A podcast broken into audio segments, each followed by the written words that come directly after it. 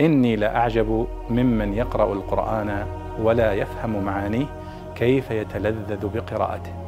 كيف يتلذذ بقراءته. بسم الله الرحمن الرحيم. يقول الله تعالى يا أيها الذين آمنوا إنما الخمر والميسر والأنصاب والأزلام رجس من عمل الشيطان فاجتنبوه لعلكم تفلحون. هذه الآية فيها كلمات قد لا تفهم. الخمر واضح هو كل ما أسكر وخالط العقل يسمى خمرا. إنما الخمر والميسر. الميسر هو القمار. الميسر هو القمار مأخوذة من يسر بمعنى قسم. وهي مأخوذة لأنها أكل للمال بشكل بدون تعب. فسميت ميسرا.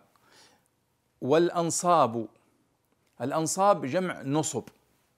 وهي الأصنام والحجارة التي تنصب وتعبد من دون الله ويصرف لها شيء من العباد. والأنصاب والأزلام. الأزلام هي السهام التي يكتب عليها كان العرب في الجاهلية وهذه بالمناسبة الآية من الآيات التي يجب حتى تفهمها على شك على وجهها الصحيح أن تعرف عادات العرب في الجاهلية. فكان من عاداتهم استخدام الميسر استخدام الأنصاب والأصنام وما يتعلق بها الأزلام. إنما الأنصاب والأزلام رجس. فالأزلام هي الأسهم التي كانوا يستقسمون بها. بمعنى ثلاثة أسهم. سهم مكتوب عليه افعل وسهم مكتوب عليه لا تفعل وسهم ثالث غفل ليس مكتوب عليه شيء. فيدخلونها في كيس أسهم عادية كأنها أقلام مثل الأقلام الرصاص. ثم يدخلها في كيس ويجيلها بمعنى يحركها بشكل عشوائي كما تختار القرعة اليوم ثم يدخل يده فيها. فإذا خرج السهم الذي مكتوب عليه افعل فعل الأمر الذي يريد إما يسافر إما يفعل أي أمر من الأمور. وإن خرج الأمر المك أو السهم أو الزلم المكتوب عليه لا تفعل توقف عن السفر أو توقف عن العمل.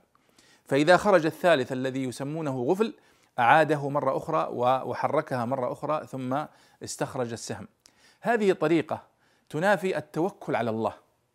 بمعنى أنه ينظر في هذه الأسهم. إن قالت له اخرج وكأنه نوع من الكهانة نوع من التعلق بغير الله سبحانه وتعالى وينافي التوكل.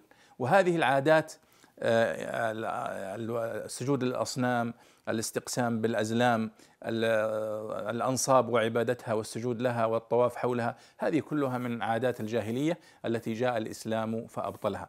فالميسر إذن هو القمار والأنصاب هي الأصنام التي تعبد ويسجد لها من دون الله جمع نصب. والأزلام هي الأسهم التي يستقسم بها. وأن تستقسموا بالأزلام كما ذكر الله في آية أخرى. إذا إنما الخمر والميسر والأنصاب والأزلام رجس من عمل الشيطان. هذه كلها عادات جاهلية. جاء الإسلام فأبطلها.